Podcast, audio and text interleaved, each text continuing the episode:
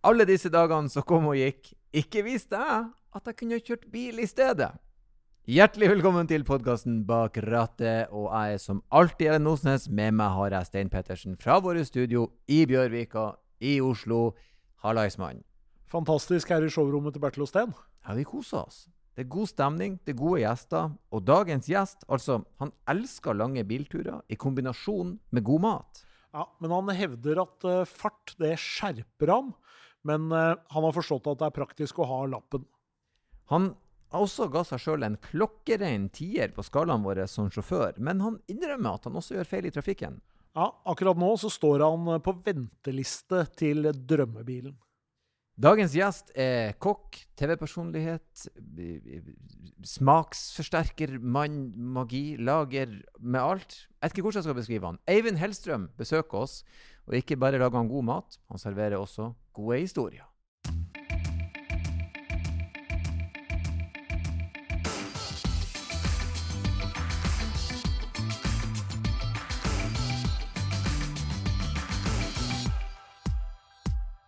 Hjertelig velkommen til uh, studio her hos oss, Eivind Hellstrøm. Tusen takk. Ja, vi er jo her for å snakke litt om bil. Ja. Eh, og åpningsspørsmålet vårt er alltid om du anser deg sjøl som et bensinhue eller nei. Jeg har kjørt bensinbil siden jeg var 18. Og øh, øh, nå kjører jeg elektrisk. Mm.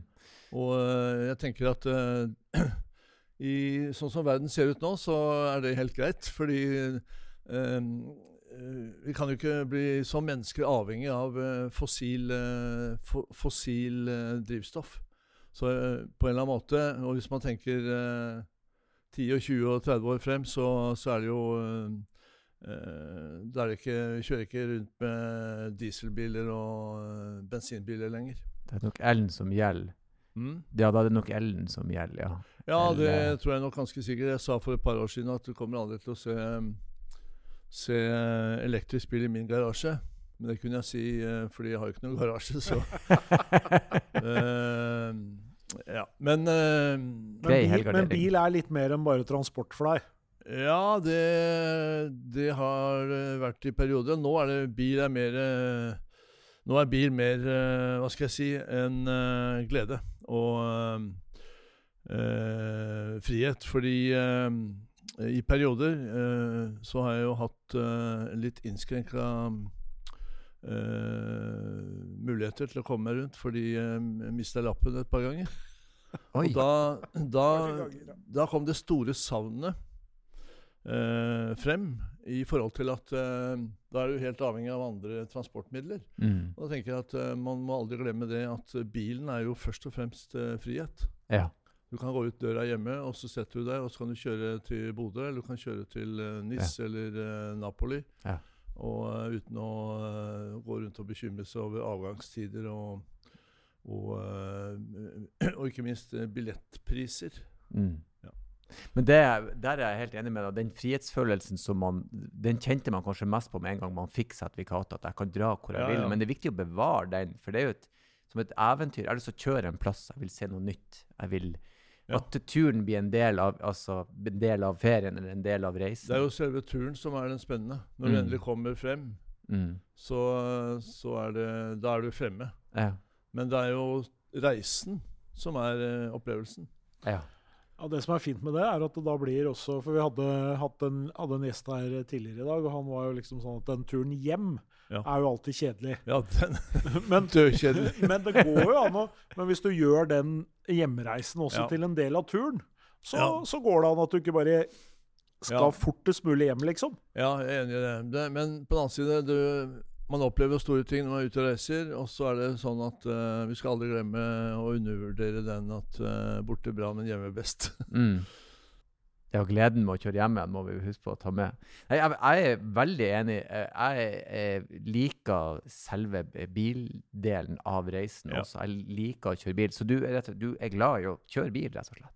Ja, ja, jeg, kan, men, men kjøreglede for meg, det er ok, du har en bra bil og bra motor og eh, komfort og alt det der. Det er eh, kjøreglede. Mens den virkelig store kjøregleden er jo å komme eh, rett, og, rett og slett frem til eh, der hvor jeg har bestemt meg for å lande. Mm. Men der, innimellom så blir det jo noen eh, eh, sidespor. Og, Mm. eh, og det å kjøre rundt på franske landeveier, f.eks., og eh, eh, komme til eh, de eh, store matopplevelsene Mm. og eh, overnatting og eh, trivelige folk og den der gode atmosfæren og alt det. Det må ikke være fantastisk uh, trestjerners eh, mat rundt omkring. Men eh, det å oppleve eh, Hva skal jeg si en annen verden, eh, det er jo Altså Den følelsen har jo vært ganske sterk de siste to-tre åra med pandemi og begrensa reisevirksomhet. Mm. For da det der eh, suget og lengselen etter å møte andre miljøer, andre mennesker, eh, eh, annen levemåte, eh, og ikke bare våkne til eh, dårlige nyheter i Dagbladet og VG og høre på P4, som da blir en sånn eh, skrekkelig rutine i hverdagslivet. Så jeg må jo si at nå eh, verden åpner seg igjen, og eh, det å sette seg i bilen og eh, kjøre hvor man vil, det er frihet. Mm. Men eh, når du sier du skal oppleve disse gode matopplevelsene underveis, da, hvor, hvor planlagt er det? Vet du hvor du skal, eller klarer du å se at dette er et bra sted? Ja, jeg ser ganske fort at det er et bra sted, men jeg leser meg opp, og jeg er alltid veldig informert på hva jeg Jeg hater bomturer, da, for å si det sånn. For det har jeg hatt ganske mange av.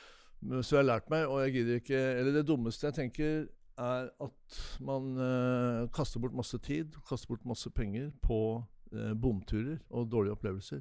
Så jeg har jo jeg har jo teft i forhold til eh, eh, å gå på de eh, riktige stedene. Men eh, jeg vet at jeg skal kjøre til uh, f.eks. Ja, ta Stockholm, da. Og jeg vet hvor jeg skal bo, jeg vet hvor jeg skal gå inn og spise. Og eh, det er klart, eh, i forkant så driver jeg litt eh, research. Og som jeg sier, jeg leser og forholder meg til mye, men jeg har også en uh, spesialsituasjon i forhold til at jeg kjenner utrolig mange folk som jeg kan bare ringe til og spørre hvor uh, Når man er i Stockholm, da, hvor, liksom? Hvor Mm. er det er det noe nytt? For det skjer jo alltid noe nytt. Mm. Oslo er jo en, blitt en by hvor det skjer åpne nye restauranter to ganger i uka. Mm. Så Ja, jeg, jeg Hvis du blir litt småsulten da på vei nedover til Stockholm, da stopper du ikke på McDonald's på Tanum CD, liksom? Nei, jeg gjør ikke det. Nei, men, men, Nei, jeg kjører i ett strekk, jeg ja, du, ja, du spiser ikke på veien da? Nei, nei, nei. nei. Nei. Ja, for den der er en litt sånn lei en, for jeg reiser ganske mye i jobben min og, og kjører mye langs etter E6-en, og det er forferdelig mye dårlig Ja, ja, ja. Hvis du skal ha noe mens du tanker bilen og tisser, liksom, så er det så ja. forferdelig dårlig Jeg vil aldri finne på å gå inn og spise langs veien.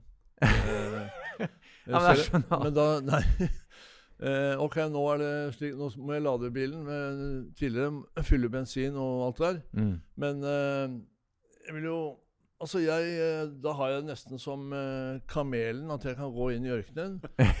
og, eh, og bli Og gå igjennom og, eh, og le, overleve. Ja. Uh, så det er Altså, nei. Det Definitivt nei i forhold til å spise langs veien. Nei, jeg, jeg har jo også spist min siste mikrovarma panini. Det kan jeg ikke gjøre lenger. For det er Du det er merker er på kroppen at dette er ikke det er et bra. Det er ett sted jeg kan stoppe. Uh, hvis jeg er på vei til Vestlandet og kjører opp til Geilo. Og det er ikke noe uh, veikro, det er noe som heter Hallingstuene.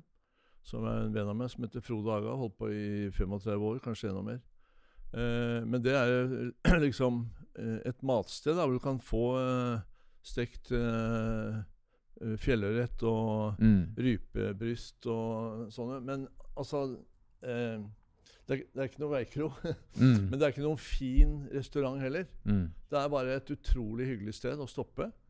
Og eh, da blir det jo også litt vin òg, så det blir en overnatting i, eh, hos naboen. Men eh, man, det er, jeg, jeg tenker at er- når man skal ut og kjøre, så er det viktig å planlegge liksom, Ok, vi skal kjøre ned til Paris, da, f.eks., og så skal jeg stoppe i eh, jeg stopper jo litt i Danmark, og jeg stopper litt i uh, Brussel. For der er det Eller Belgia i det hele tatt. Det er jo Det vrimler av gode spisesteder. Mm. Eh, så jeg er Jeg planlegger. Men det er litt rart at det ikke går an å lage god mat langs veien. For det, det tar ikke så mye lengre tid å lage god mat kontra dårlig mat, egentlig. Gjør det det? Nei, det kan du si. Nei, jeg spør, jeg. altså For meg, så jeg, jeg bruker lang tid på mat. Ja. Ikke, ikke nødvendigvis fordi uh, uh, jeg syns at det er å bruke tre timer på, uh, på mat og lage det mange oppfatter som gourmetmat, som er liksom den fine, fi, fine maten. Men det er ikke det jeg holder på med. Jeg holder på med jeg rendyrker eh, produktene. altså Det må være eh, ekte råvarer. Og så bruker jeg litt tid på det, men det er fordi jeg vil ha frem den beste smaken. Jeg står ikke og jåler til med masse dekor og, og eh, såkalt eh, stjernemat, da. Som man finner på Mm. eh, Eller stjernemann, som man finner på restauranter, da. Fordi Mm. uh, når man driver restaurantkjøkken, så er det jo et uh, team av masse folk. Når jeg står hjemme alene, så har jeg ikke noen assistenter. Så jeg må gjøre alt selv. Mm. Og da, det tar litt tid. Men på den annen side vei, Veimat er vanskelig, fordi jeg tenker at folk flest i gir faen, liksom. De bryr seg ikke. Så stopp heller. Kjør. Ha en destinasjon. Stopp der hvor du vet at det er bra. Hvis det er et sted i Trysil eller i uh, ja, gudene vet, i Bø i Telemark. Mm. Og, eh, sånn, men å planlegge. Fordi uh, ja, OK. Uh, jeg kan gå med på at familier som skal kjøre rundt med, med, bikkjer og barn Ikke nødvendigvis i den rekkefølgen. eh, de eh, må jo ha mat underveis. Ja. Og da tenker jeg at eh, det går an å ta med seg en matpakke hvis man gidder. Mm. Det er min måte. Og den matpakka kan jo være superenkel. Mm. Det går faktisk fint. an. Vi, vi har begynt å gjøre det litt i min familie, men det var for at dattera mi ble så lett bilsyk.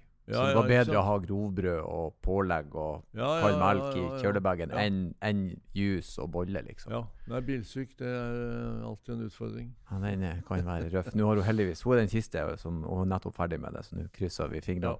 Men du jeg snakker har, om jeg har en, eh, en eh, Altså, eh, sønnen til min samboer, som heter Nils, han eh, har jo vært plaga med bilsyk eh, lenge. mm. Og så var vi i eh, Frankrike, og så eh, sier han at eh, dette gikk jo veldig fint. Så han takket meg for turen, og han syntes at det var, det var liksom den første store bilopplevelsen han hadde hatt. Da Mm. tenker jeg med en gang at eh, det er fordi jeg er en utrolig bra sjåfør. ja, selvsagt. den må man bare ta.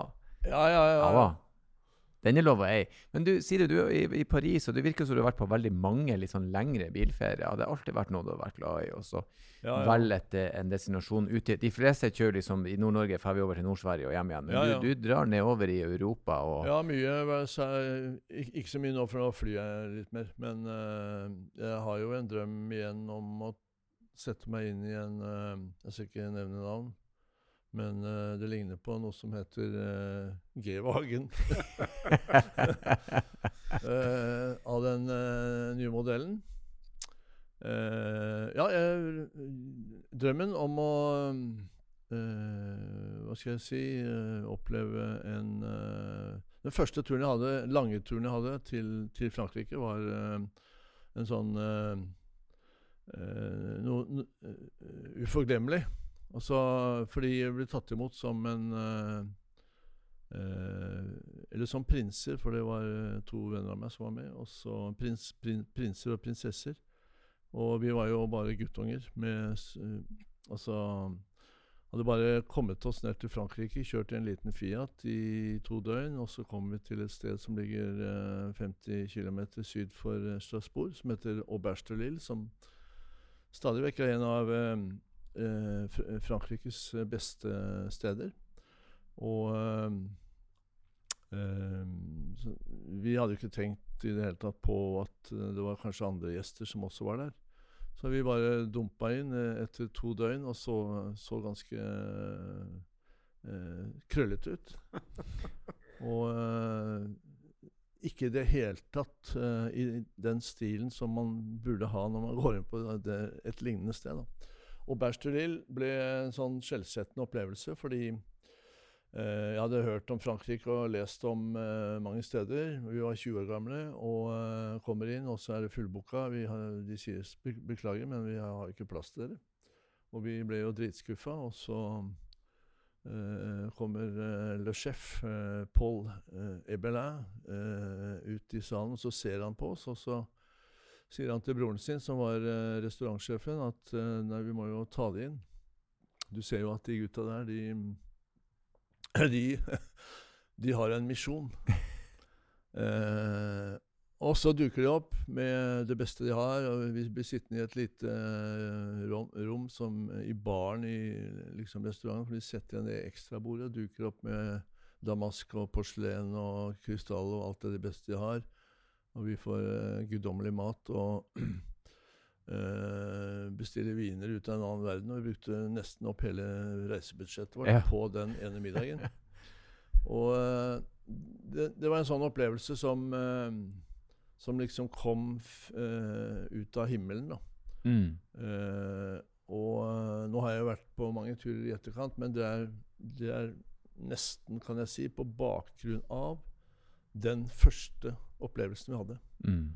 Så det ble jo et sånn eh, Hva skal jeg kalle det? Et nært forhold til eh, fransk eh, gjestfrihet. Mm. For det er mange som mener at franskmenn de er arrogante typer. Men for meg så har jeg opplevd Frank Frankrike som et sånn utrolig gjestfritt land. Mm. Og med en sjenerøsitet og en sånn eh, forhold til mat og vin som er helt spesielt. da. Og du kan si ok, Italia og Spania og alle de jeg kaller det for vinproduserende land, de har en helt annen kultur. da. Eh, og jeg er så glad for at jeg opplevde den eh, der og da, så tidlig. Og det ga meg liksom eh, retningen i, i etterkant. da. Det jo Og, eh, og bilen er jo da viktig her, fordi eh, eh, Det å kjøre rundt på franske landeveier, på jakt etter eh, de gode destinasjonene, spisestedene og alt det der Ok, Michelin har hjulpet eh, menneskeheten til å finne frem mm. når de skapte sin guide med Mm. stjerner i sin tid. Og det er jo mer enn 100 år siden den kom ut første gang. Det har jo hjulpet folk til å Eller det mange ikke er klar over, er at Michelin-guiden var jo først og fremst en, en guide hvor man kunne skifte dekk, hvor man kunne skifte olje, som vi holdt på med den gang. Mm. Og eh, hvor du kunne reparere bil. Og, og eh, når du holdt på med det, så anbefaler de et overnattingssted. For det tar liksom tid å reparere den bilen. da. Mm. Eh, og så begynte de med spisesteder. Eh, og anbefalte. Og så begynte de med stjernesystemet sitt i tidlig 1930. Mm. Og det har de jo holdt på med, og nå er de jo øh, altså verden rundt med guidene sine. Ja. Eh, men den gang så var det jo bare Frankrike. Og hele ideen med Michelin-guiden var jo at folk skulle ut på landeveien for å slite dekk og kjøpe nye. Mm. Så det var jo genialt. Det, det er ganske fascinerende det de har fått altså Michelin-guiden altså det, med, det stjernesystemet må jo være verdens mest anerkjente mal etter hva er bra, liksom. Hvis det Ja. en gang folk får de stjerne Oi, her er det. ja. Her er det. Så det er litt sånn her eh, Så du sier litt interessant at det var utfallet av ideen deres først, da. ja, ja. Hadde med dekk å gjøre. Ja, og så er det jo litt sånn at uh, man tenker jo ofte på, på en restaurant med Michelin-stjerner som en litt sånn, et sånt sted hvor du ikke bare kan komme inn, liksom. ja. Men, men eh, jeg har jo opplevd å være Var i Italia, var i Aisingano, ja, ja. og, og vi bare tenkte vi må jo sjekke er det mulig å spise her, liksom. Og det Ja. var bare sånn. Kom inn, ja, ja, ja. sett deg ned. Der satt det en hund ved siden av et bord og spiste. Det var liksom, det var ikke noe sånn Det var fantastisk mat, men det var jo ikke noe jålete på den måten. Altså, kanskje vi har et litt sånn skrudd forhold til det også i Norge? Ja, det absolutt. Men du kan si hva man vil om stjernesystemet, da, som er 1, 2 og 3. Hvor én stjerne er definert som at det er, ja, det er absolutt eh, fantastisk mat. To stjerner er definert som en omvei verdt, og tre stjerner er liksom en reise verdt. Mm. Så du kan si Man kan jo eh, Altså, Jeg er jo ganske god til å kritisere Michelin-guiden innimellom, for jeg er ikke helt enig med dem. Nei. Men når det er sagt, så er det et fantastisk oppslagsverk Mm. i forhold til eh, når du har boka, eller om du går inn på nettet. Eh, adressene. Eh, alt det du trenger å vite om et sted, hvor det ligger. Eh, prisnivå.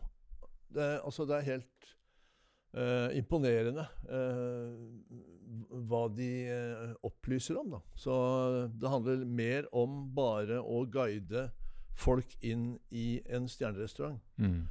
Og det er jo slik at Uh, ingen stjerner er like. Hvis det er én stjerne i Oslo, uh, som f.eks. etter Stadhalgården, eh, som er uh, utmerket sted med flott uh, atmosfære, flott oppdekking, hvite duker, Uh, en klassisk restaurant, i forhold til én stjerne nå har de ikke fått den ennå, men jeg regner med at den kommer etter hvert. Det er noe som heter Hotshop, som er en gammel sexbutikk i- som er bygd om oppe i Københavnergata. Eh, fantastisk mat. Eh, jo Klakegg, som er sjef der, han eh, står på eh, helt utrolig bra. Og så er det en annen som heter Slegergården på Lysaker, som eh, ennå ikke har fått noen stjerne. Men han har hatt masse stjerner før, da. Eh, Men han har jo åpner nye steder, og så stenger han, og så flytter han, og så Michelin går etter ham og, og gir ham en stjerne, om han vil eller ikke. Men uh, spisested. Og er, man skal aldri sammenligne uh, stjernene, egentlig. For du kan gå på trestjerners uh, Ja, f.eks. her uh, ved siden av dere, på Maiemo, som er et fantastisk sted. Mm. Og så kan man gå på trestjerner i Italia, eller i, som er helt sånn Nesten det motsatte av flott dekor og alt det som man forventer. Men på den annen side, tre stjerner er eksklusivt. Eh, det koster mye. Altså Man må regne med å legge noen tusenlapper på bordet for å få opplevelsen. Mm. Så det er som med bil, det er det du sier egentlig. Det, du får det du betaler for. Ja. Du får det du betaler for. Ja. Ja, ja, ja. Men du har jo vært, eh, du snakket jo om denne G-vagen da, som, du har, eh, som du kunne tenke deg å ta. Du har jo kanskje vært en slags uh, posterboy for, eh, for G-vagen, på en måte. fordi den, du er jo en fyr som prater i ganske store Jo. bokstaver, og det er jo en bil som, ja. som, som snakker i store bokstaver. og hva, hva får den bilen deg til å føle, liksom? Eh, Jeg har jo kjørt alle mulige biler gjennom eh, et eh, Jeg skal ikke si langt liv, men eh, fordi det lange liv eksisterer ikke lenger.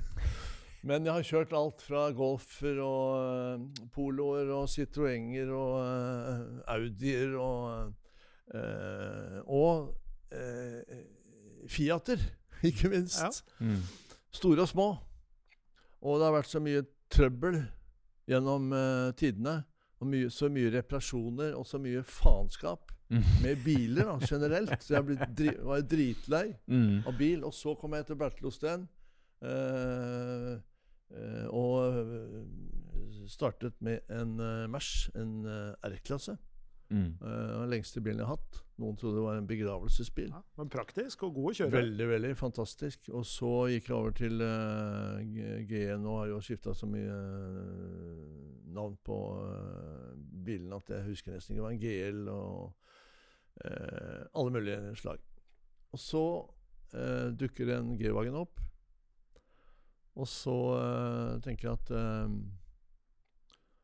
eh, Jeg har aldri hatt noe kjærlighetsforhold til bil, egentlig. Selv om jeg har takket bilene når jeg har levert dem inn, eller gitt dem fra meg, eller solgt dem videre. Jeg har takket for alle de gode turene og alt der. Mm.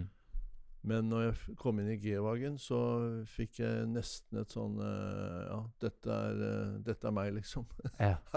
Du sitter høyt, du er konge på veien. Uh, du er, og det, nå snakker jeg om den gamle modellen. Mm. Fordi tre år siden så eh, kom jeg inn i den nye.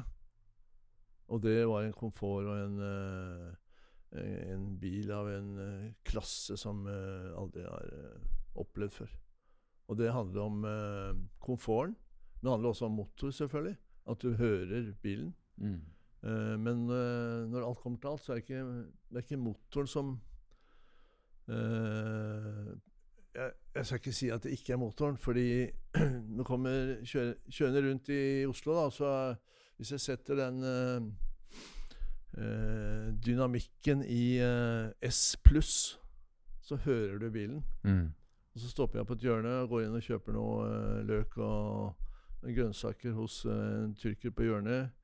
Thomas Heftigs gate. Og så kommer det en fyr rundt og, og bort til meg, og så sier han at den bilen der, sier han, det er eh, Det er jo som å ha en eh, eh, et eh, kammerorkester under panseret. Det var så vakkert sagt. Og Mm. da tenker jeg at eh, eh, det blir helt sånn eh, nostalgisk i forhold til at den første bilen jeg satt på med, da var jeg bare 12-13 år gammel, det var hos min onkel i eh, Moss. Han drev i iskremfabrikk og hadde en gammel Ford V8-er, Mm. som var isbilen. da. Den var svart, og den var eh, lukta bensin, og det var en livsfarlig bil, egentlig. fordi når vi var om, og kjørte lange turer, da, og lange turer lenger, var opp fra Moss til Drøbak, og det var fra Moss og ned til Larkollen og rundt. Og vi var jo dødslitne etter en sånn tur, fordi den lekka jo bensin, ikke sant, og eksos Mm. og diesel.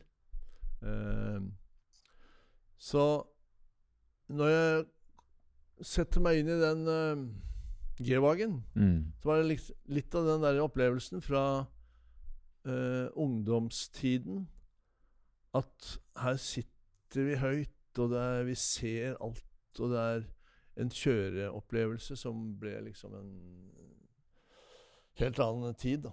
Så eh, jeg, Nå kjører jeg ikke den bilen, men jeg savner akkurat den der G-vagen.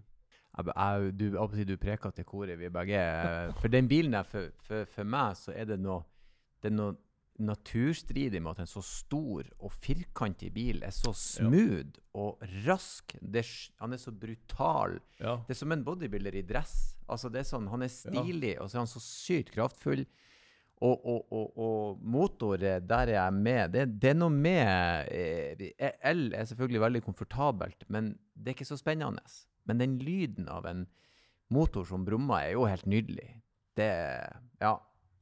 Og så er det jo litt sånn at uh, man uh, har jo opplevd det med biler jeg har hatt, og nå kjører jeg en bil som ikke er en G-Wagen, men som ligner litt, av amerikansk produsent, en Jeep Wrangler. Ja, ja, ja. Og det er sånn, jeg merker at det, det er helt annerledes å gå ut av den bilen Ja. enn det Mm. er å gå ut av en vanlig bil. Ja, for da sitter du lavt. Ja, ja, og det er liksom noe med den derre du, Ja, er, du er litt det du kjører, da. Ja. Så, så jeg tenker at det, det har jo noe, det har det jo noe med at eh, det spiller jo på andre følelser enn bare det rent praktiske, mener jeg. Absolutt. Når, men når du, når du sier at bilen er eh, brutal, det er jeg helt enig i, for det er en brutal bil. Mm. Og hvis du skal dra den opp i jeg skal ikke si eh, 220, fordi det gjør jeg ikke på eh, norske landeveier. Men eh, det er jo en eh, brutal bil. Og, eh, men så tenker jeg også at eh, det er jo et sånn eh, kunstverk i forhold til eh, Nå har jeg vært så heldig å besøke besøkt uh, AMG i Stuttgart. Uh, på initiativ fra Jeg skal ikke nevne navn, men Kåre Ness i Bertil Osten. Mm. Han blir sur på meg hver gang jeg ikke nevner navnet hans. Men da sier jeg igjen Kåre Nesse, Jonny Danielsen eh, Vi reiste på tur til Stuttgart og eh, besøkte AMG. Og det, når jeg sier kunstverk, så sitter det altså Det er jo eh, motorer som er håndlaget. Det Mm. sitter jo én person, jeg vet ikke hvor mange timer han bruker, eller hvor mange dager han bruker på å la, lage en eh, eh, motor. Men eh, det var imponerende. Mm. Og signerer når han er ferdig. signerer ferdig, og så går inn, og så er det renere i, på gulvet enn på uh, operasjonssalen på uh, Rikshospitalet. Det er liksom så strøkent alt sammen. Mm. Det eneste um, savnet jeg hadde i Stuttgart, det var um, For det var en fantastisk opplevelse. Men det er ikke noen gode, er noen gode restauranter der. Det er ikke noen gode spisesteder. Det er som naboen min sier, som driver Galleri Ris. Eh, nei, Galleri K i, eh, i, eh, der hvor vi bor. Vi, nå skal vi til Stuttgart, sier jeg. Og han er kunst, kunsthandler, så han har jo reist Europa rundt og vet akkurat hvor man kommer. Så sier jeg vi skal til Stutt Stuttgart. Ah, sier han. Europas kjedeligste by. det er jo bare bilfabrikker der. Så. Men så foreslår jeg for eh, Jonny og Kåre at vi, eh, jeg vet om et sted som er fantastisk. Eh, og det er en reise verdt. Mm. Men det ligger ikke i Stuttgart. Det ligger to timers kjøretur ut. Og vi kjørte dit. Og alle har etter den turen en opplevelse uforglemmelig. Det var litt sånn som min første tur til uh, Frankrike da jeg var 20 år gammel. Mm. Men å komme på sånne steder og si at er du i Stuttgart, så må du enten kjøre til uh, Bayersbronn, der hvor Schwarzwaldstube ligger, og eh, gjerne overnatte. Eller så må du kjøre til Auberge de Lille i, i, uh, i Alsace, altså eh, syd for Strasbourg. Og det, begge stedene ligger to timer vekk fra Stuttgart. Så det er, eh, det er Stuttgarts beste spisesteder. Men det tar to timer å komme dit. Og vi Mm. var det en fantastisk opplevelse. Mm. Men det er fine veier ut fra Stuttgart, da. Ja, ja, ja. ja. Vi hadde selvfølgelig en uh, Merce som, eh, og med en privatsjåfør. Så ja, uforglemmelig. Eh, vi skal prøve å ta det litt tilbake igjen til det som går helt spesifikt på bil og ditt forhold til bil. Jeg hører jo det, det, bil er nes, nesten samme lidenskapen som eh, maten. Det, så, eh, eh, men hvordan var det når du tok eh, sertifikatet? Var du en av de som tok det på dagen, eller gikk det litt tid? Ja, jeg tok det nok ganske eh, på dagen, ja, vil jeg Mm. påstå. Fordi jeg hadde Altså, den der iskremfabrikken og min onkel, han var jo veldig flink og var mentor for oss. Sånn, sånn at uh, Han pusha oss til å Når jeg sier vi, så er det broren min og jeg. Han er Mm. to år eldre enn meg. Vi, uh, han pusha oss til å ta eh, lappen fort. Mm. Fordi han ville at vi skulle ut og jobbe. Og kjøre den bilen. Og levere iskrem Mm. rundt omkring. Og det gjorde vi, og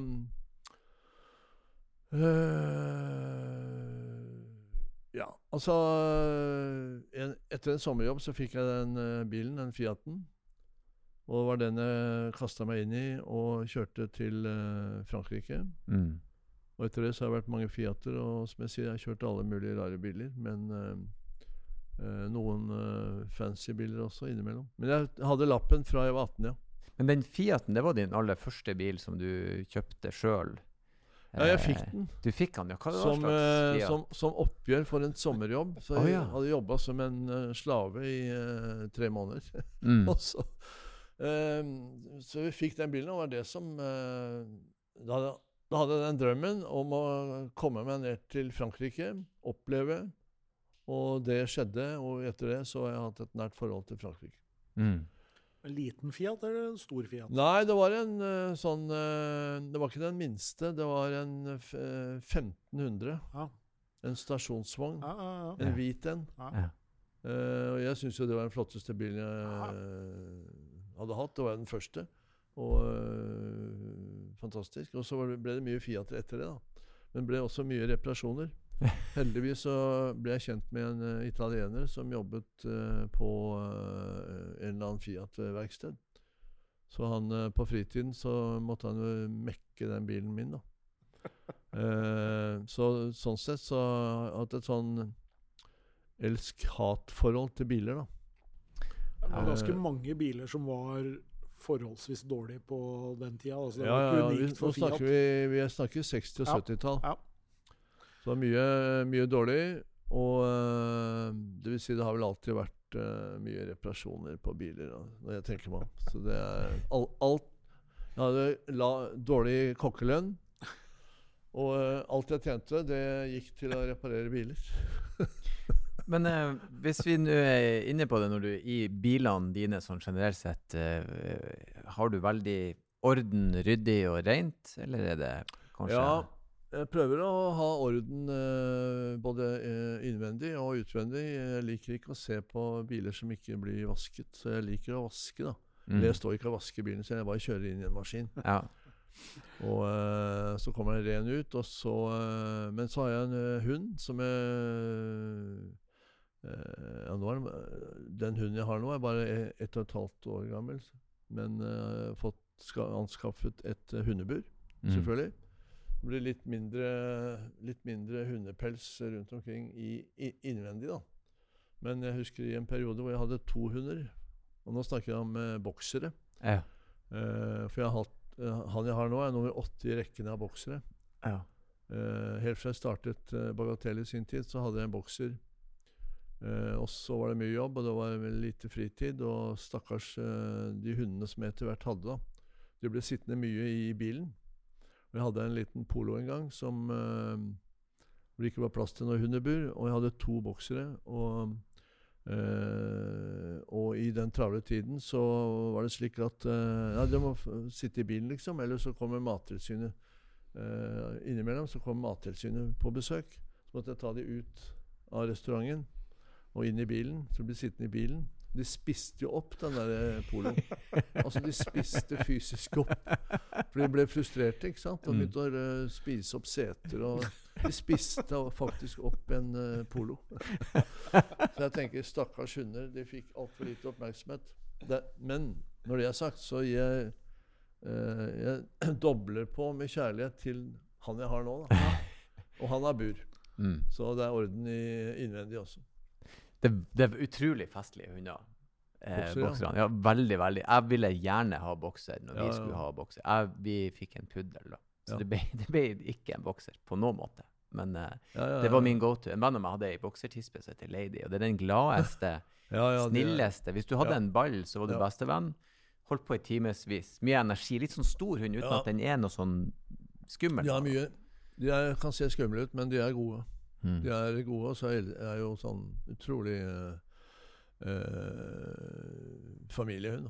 Mm. Liker den å kjøre bil, da? Mm. Liker den å kjøre bil?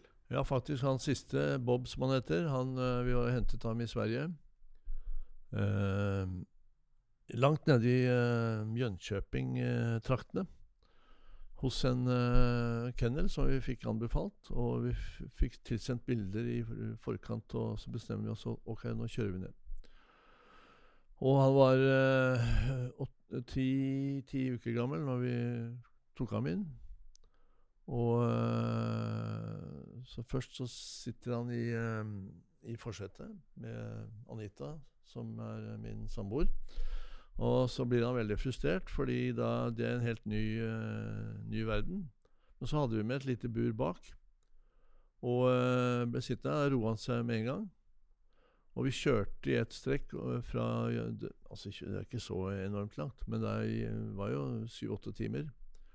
Eh, og eh, etter det så er bilen blitt hans andre hjem. Mm. Så hvis vi skal liksom være borte et par timer, fremfor å ha han liggende hjemme i sofaen, så tar vi ham i bilen Mm. når det passer.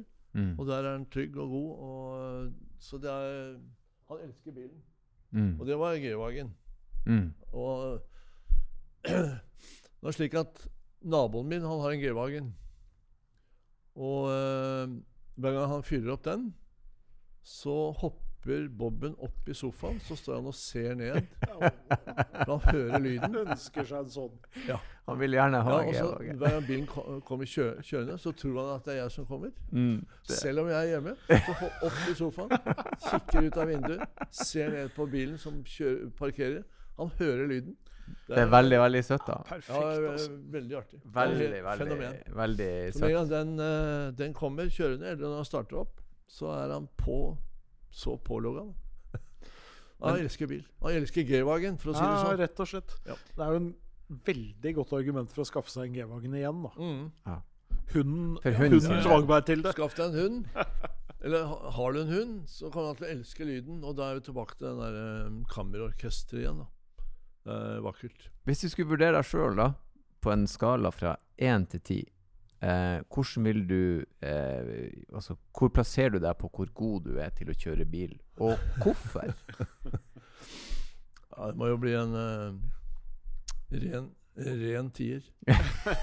Kan vi konferere utrykningspolitiet i denne sammenheng, eller? en rein Nei, jeg har vært eh, Altså, jeg har uh, skrudd på litt for mye innimellom. Men uh, jeg tenker at uh, det er jo dumt. Det er fint å holde seg innenfor fartsgrensene. Det er den første som sier. Og innimellom så syns jeg det er helt meningsløst. Når du går og kjører på flotte veier hvor du kan kjøre i Ok, det står 110. Eh, nå har jeg kjørt mye i Frankrike. Der, der står det 130. Og så har jeg kjørt en del i Tyskland. Der, der står det ingenting. Så slutt på 80.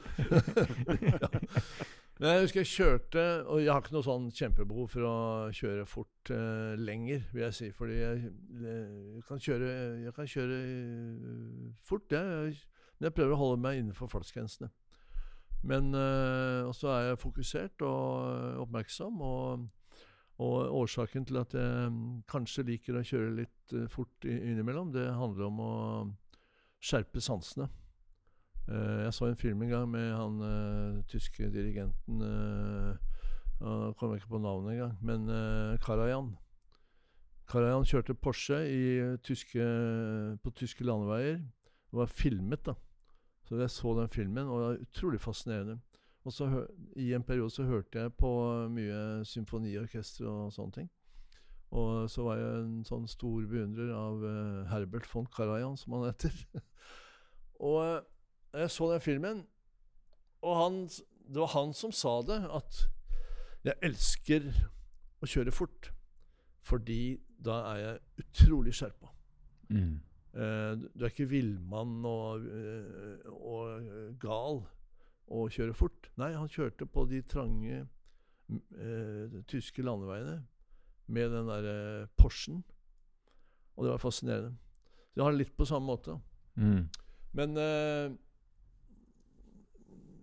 ettersom det er ganske surt å miste lappen Ja. over lang tid, så, eh, så holder jeg meg Eller jeg er fokusert og prøver å holde meg innenfor eh, grensene. Og nå som du kjører elbil, så ser du også at eh, det lønner seg å ikke kjøre så fort, for da bruker du ikke så mye strøm. Veldig. Mm. Ja, der er det, det himmelvid forskjell fra 80 Ja, ja, ja, til 100. vel- ja, på forbruk. helt klart. Uh, disiplinert i forhold til å Fordi uh, det er jo en utfordring i, med lading, da. Hvis du skal opp til Bodø, da, eksempel, Mm. så må du Mm. jo stoppe noen ganger. Ja da. Men vi har, vi har rata dine, dine egenskaper. Du legger deg på en tier der. Hvordan oppfatter du andre sjåfører? Altså, kan du oppleve road rage og bli ordentlig ja, oppfyrt og irritert i irritert i eh, kan Små, småirritert. Du kan det, ja. Ja, det er mye, mye nøling og mye Det er mye liksom sånn eh, Ja. eh, folk stopper og kjører eh, forsiktig. Mm. Eh, og det, jeg skjønner det at man kjører forsiktig, men den derre eh, Frafallet av å bruke blinklys Mm. Det er særlig Tesla-sjåfører som har droppa liksom, å bruke blinklys. da. Mm. Så det er oh. utrolig irriterende. Det er ufattelig irriterende. For hvis de viser deg hvor de skal, så kan du planlegge hvor du skal. Så slipper Ja, du å stå og vente på de. Ja, og det ja, er ja, ja. så irriterende. Nei, men eh, OK. Altså, det er blinklysene, og så er det bruk av mobiltelefon i Mm. bilen når man står og venter på grønt lys. Mm. Og så det, blir man stående der, og så sitter eh, bilen foran meg eh, og leser på Facebook. på eh, Facebook, liksom, eller på Instagram. mm. Og det er utrolig irriterende. Mm. Uh, når det er sagt, så skal jeg tilstå at jeg gjør det selv også. Inn og sjekka grammen litt i krysset. ja. Eh, ja. Nei, det er uh, håpløst. Jeg tenker at uh, når man kjører bil, så kan man kjøre bil, så ikke sitte og fikle med alle mulige instrumenter. Mm. Det verste er jo folk som sitter og røyker i bilen. Og det som er enda verre, røyke pipe i bil. Ja, jeg kom forbi en uh, som kjørte en gammel Jaguar her forrige dag, og sitter med pipe og eh, vinduet oppe, og uh, kjører langsomt, selvfølgelig, på Frogner. Uh, liksom å tro at han eier veiene. Ja, det, er, Det er nok å irritere seg over hva- på veien. Hva får du for slags utslag? Er det tuting, hytting? Nei, jeg prøver å unngå tuting, men på den annen side, det er eneste måten å vekke folk på, Ja. eh, egentlig. Ja. Jeg Jeg tenker at bruker lys òg, men det Ja, ja. funker ikke. Så jeg eh, må bruke hornet. tenker jo at Du har jo en naturlig autoritet, så at eh, det kan jo hende at det hjelper litt når, eh, hvis folk ser at det er eh, deg. Ja, kanskje. Jeg håper jo det, da. Men eh, jo, OK. Altså Ble, ja, Ja. ble hytta til av Eivind Hellstrøm i dag. Da kjører du pent resten av dagen. Da følger du med en liten stund, i hvert Da er det rett hjem og sjekke grønnsaksskuffen, i hvert fall. Du, eh, du er jo eh, eh, hendig på kjøkkenet, men er du hendig i garasjen? Fikser du ting på bil sjøl? Nei, jeg fyller olje. Mm. Eh, Nå er det ikke så mye olje lenger, men det fylles jo uh, sånn uh, Hva heter det? Uh, jeg husker ikke hva det heter engang. Spylevæske? Hæ? Spylevæske. Ja ja, spylevæske. Den fikser du. Det, det klarer jeg. Men jeg Som jeg sier, jeg har hatt så mye reparasjoner gjennom uh, livet. Har, det har vært så mye trøbbel med motorer, så jeg ble liksom så lei etter hvert. da. Så det, når jeg åpner panseret nå, så er det bare for å beundre uh, kammerorkesteret. Eller Ja. beundre uh, motor. Mm. Uh, eller for å fylle spylevæske. Mm. Men nå skal jeg tilstå, nå har jeg eh, elektrisk Mm. eh, bil. Og uh, det er kjæresten min som lader. Og eh, jeg har ikke åpna panseret ennå. Jeg Like beklager å si det. Men jeg har ikke åpna panser på den bilen ennå. Men jeg tror faktisk du føyer deg veldig inn i rekka av de fleste gjestene. Det er veldig få egentlig som uh, gjør noe som helst. Ja, og Så vidt jeg husker fra noen av disse nye elektriske Mercedesene, i hvert fall, så kan Ja. du ikke åpne panseret i det hele tatt. Du har bare en sånn liten luke for å fylle spylevæske, og that's it. Mm. Ja, jeg vet ikke. Nei, du vet Det ikke. nei, det er kjæresten min som gjør det. Hun eh, fyller spylevæske og uh, lader bilen. Så jeg bare setter meg inn og eh, Kjør. Ja, og kjører. Det er det man egentlig vil ha. Vi, vi, vi skal, skal Ja. vi prøve å gjette bilstein. Vi, vi vet jo allerede at det er snakk om en elektrisk bil. Ja, jeg tror vel at vi kanskje har en av de lettere casene på området. Vi, vi, Jeg, jeg tror ikke han kjører Fiat nå. Jeg har ikke Nei. følelsen av at han har gått tilbake igjen dit. nei. Jeg, jeg tror vi er i Tyskland, tror jeg. Og eh, jeg tror hvis den er elektrisk og Tyskland, så skal vi bare Ja, hoppe rett inn. Jeg vet ikke om vi er i Stuttgart, men, uh, men vi er i hvert fall i Tyskland, ja. Mm. Det vel ikke Jeg vil, jeg vil tvile på at det er en, en, en fra Bayern. Jeg tror nok at vi snakker om en eh, Skal vi bare prøve å gjette rett på? Er det en, Jeg, jeg vet ikke er det en hvor EQC? jeg vet, Ja, det er helt riktig. Ja. Hvor, hvor lages den? Det er det vel Stein som vet best. Au, ikke si sånn, da. Ja. Ja, dere vet ikke? Nei, jeg ble litt usikker, faktisk. Det er så global som bilproduksjon nå. Ja. Så selv, eh, selv Mercedes, som er supertyske, de lager jo biler i USA og Ja, ja, ja, ja. i mange Mm. steder. Ja. Men jeg lurer på om den er Sånn har eh, verden blitt. Men jeg Mm. tror det er jeg tror Det er en veldig fin bil. Eh, veldig behagelig bil. Veldig Ja, det er super. Altså, jeg møtte en eh, Eller jeg kjørte drosje, eller taxi, som vi kaller det nå. mm. Sier man drosje lenger? Det er lov. Det, det er lov, men jeg tror det er taxi. Kanskje i. Nord-Norge? Jeg vet ikke. Ja, på en drosjebil, det sier vi i Nord-Norge. Drosjebil? Ja, drosjebil kan du si i Ja, Nord-Norge. da kjørte en drosjebil en dag. Det var en EQC. Ja. Samme som jeg har. Mm. Og så sier jeg til han med en gang at ja, jeg har samme bilen. eh, Superhappy. Hvordan er det med deg? Han har hatt den i to år. Aldri hatt så bra bil. Mm. Eh, freser eh, ut av eh, rundkjøringer på null, liksom. Mm. Eh, utrolig uh, Mm. Ja, det er vanvittige krefter. muligheter. Ja, muligheter. Ja. Du må ikke bruke alt. Nei. Men uh, imponerende. Mm. Bygget i Bremen, for øvrig. Bremen, ja. Er det noen gode restauranter der? Bremen er litt usikker. uh, Bremen er ikke så langt fra Hamburg. Hanoffer Jeg husker ikke. Mm. Ehm, Men de bygger bra biler, i hvert fall. ja, ja, ja, Ja. Jeg har ikke noe forhold til Tyskland utover at jeg har uh, kjørt igjennom ganske mange ganger. Og så kjørte jeg fra Da hadde jeg leid en uh, Merce, en S-klasse. uh, fantastisk bil. Uh, og skulle kjøre fra Brussel til Hannover, for jeg skulle ha et møte der. Og så, når man kjører på tyske veier, så blir det jo Når det først stopper, så stopper det bom. ikke sant? Da blir du stående. Stau. Det varer i timevis. Mm. Og da fikk jeg skikkelig dårlig tid.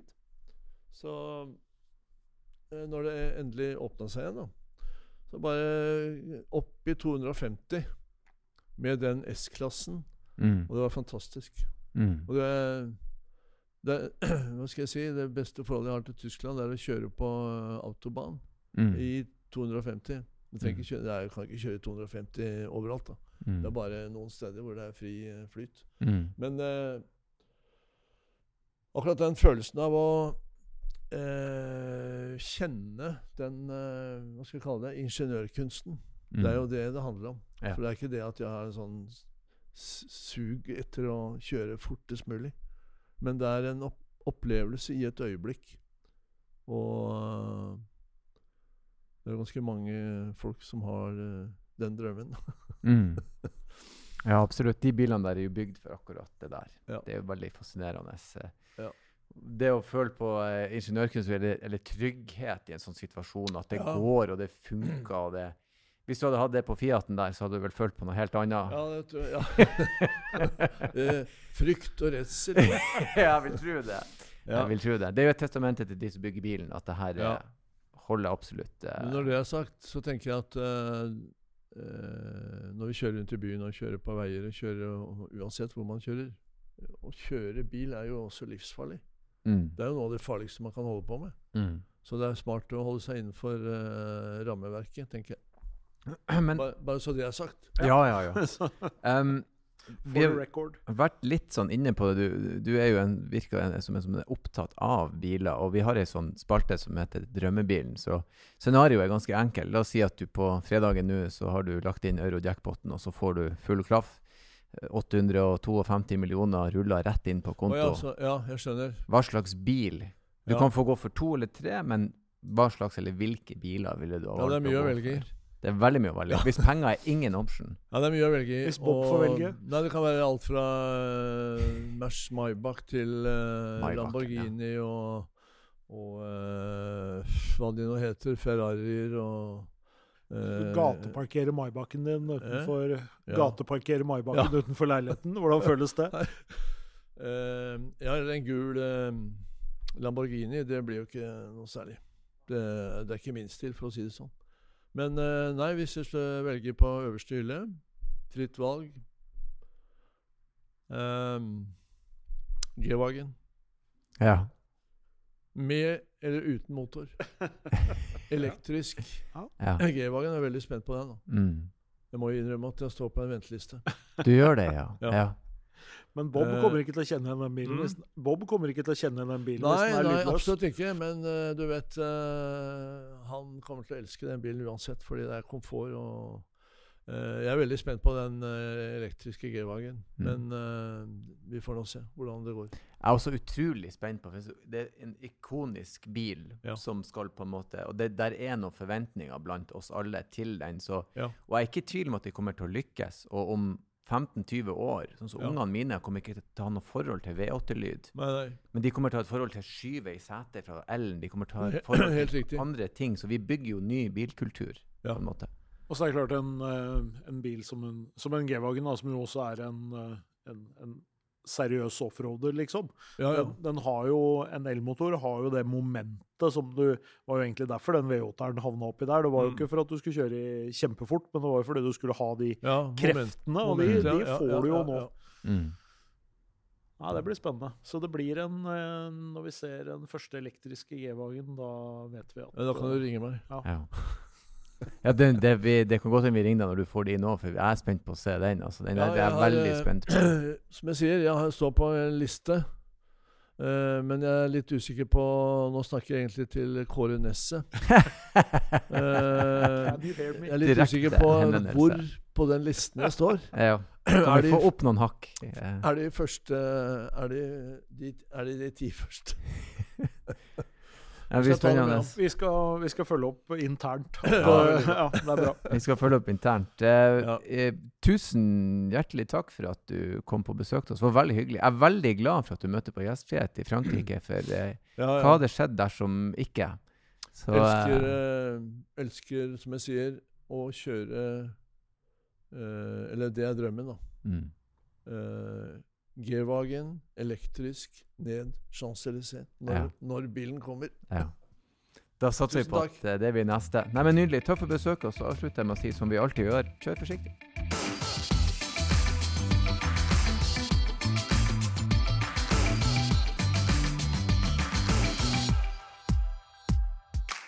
Hei, hei, hei, stopp! Det er ikke ferdig ennå. Ikke skru av. Det er bare jeg som hiver meg på og ber dere om følgende. Hvis dere vil ha gjester, hvis dere vil komme med kommentarer, hvis dere har spørsmål, bruk endelig vår e-postadresse som er bakrattet.bos.no. Bakrattet.bos.no. Ta kontakt, og ikke glem å kjøre forsiktig.